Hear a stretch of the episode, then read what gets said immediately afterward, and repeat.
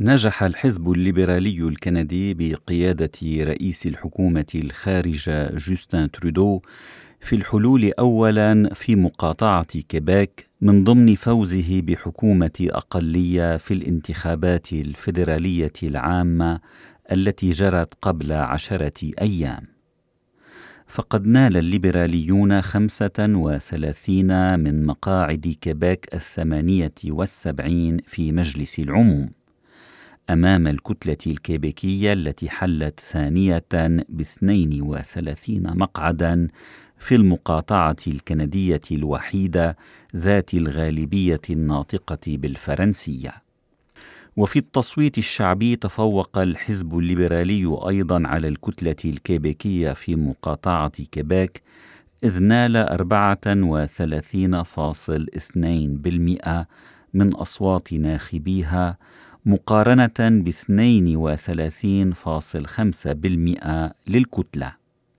لكن غالبية أصوات الكيبيكيين الناطقين بالفرنسية ذهبت للكتلة المنادية باستقلال المقاطعة عن الاتحادية الكندية مع الإشارة إلى أن زعيم الكتلة إيف فرانسوا بلانشي آثر خلال الحملة الانتخابية التقليل من الكلام عن مشروع الاستقلال. لكن الليبراليين نالوا في كيباك قبل عشرة أيام خمسة مقاعد أقل مما نالوه بقيادة ترودو أيضا في الانتخابات السابقة عام 2015 فيما ضاعفت الكتلة الكيبيكية عدد مقاعدها أكثر من ثلاث مرات. وهذا ما يدفع نواب الحزب الليبرالي ومخططيه الاستراتيجيين إلى الاعتقاد بأن على جوستن ترودو أن يتعامل مع هذا الواقع الجديد وأنه يجب أن يكون لكيباك حضور أقوى لدى الزعيم الليبرالي في ولايته الحكومية الثانية. يجب الاستماع إلى كيباك قال مسؤول ليبرالي آثر ألا يذكر اسمه لراديو كندا. وصلتنا رسالة يجب الاستماع إليها ويجب أن ينعكس ذلك على كافة المستويات قال عضو مؤثر في مجموعة النواب والوزراء الليبراليين. وأعلى هذه المستويات الدائرة اللصيقة برئيس الحكومة. Katie Telford et Gerald Butts étaient les plus proches collaborateurs de Justin Trudeau lors du premier mandat, deux personnes issues de la famille libérale ontarienne.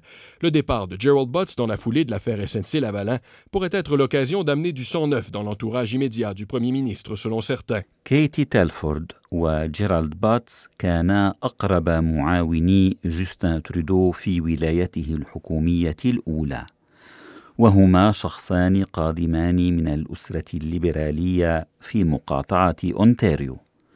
ورحيل باتس على خلفية قضية اس ان سي لافالان قد يشكل فرصة لاستقدام وجوه جديدة إلى الدائرة اللصيقة برئيس الحكومة حسب بعض المسؤولين الليبراليين يشرح الصحفي في راديو كندا لوي بلوان. يذكر أن باتس صديق قديم لترودو وكان كبير مستشاريه في ولايته الحكومية الأولى إلى أن استقال من منصبه في شباط فبراير الفائت على خلفية قضية اس ان سي لافالان إحدى أكبر الشركات العالمية في قطاع الهندسة والبناء والواقع مقرها الرئيسي في مونريال كبرى مدن مقاطعة كيبك. ويعتقد بعض المسؤولين الليبراليين أنه يجب أن يختار ترودو من بين نواب حزبه الكيبيكيين في مجلس العموم الجديد مسؤولا اولا عنهم لا سيما ليتولى الرد على انتقادات الكتلة الكيبيكية التي بات لديها 32 نائبا في المجلس. ولم يقدم ترودو على هذه الخطوة في ولايته الأولى محاججا بأن لا داعي لذلك طالما أنه هو من مقاطعة كيبيك.